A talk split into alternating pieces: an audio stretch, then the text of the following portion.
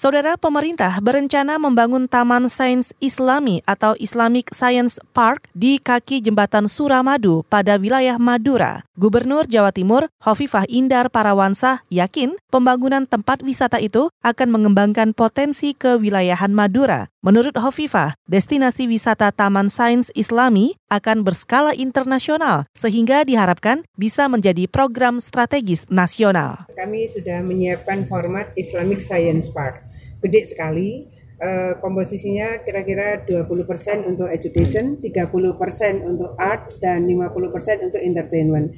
Ini menjadi bagian yang terintegrasi antara semua yang terkait dengan uh, apa konten dari Islamic Science Park di kaki uh, Suramadu yang di Madura. Gubernur Jawa Timur Hovifah Indar Parawansa juga menambahkan, investor lokal sangat berminat mewujudkan dan mengembangkan Taman Sains Islami. Hovifah juga mengaku rincian perencanaan proyek sudah selesai dilakukan dan konsorsium perbankan juga sudah masuk. Tapi Hovifah tidak mau menyebut berapa nilai biaya untuk membangun Taman Sains Islami yang akan mulai dikerjakan pada tahun depan itu.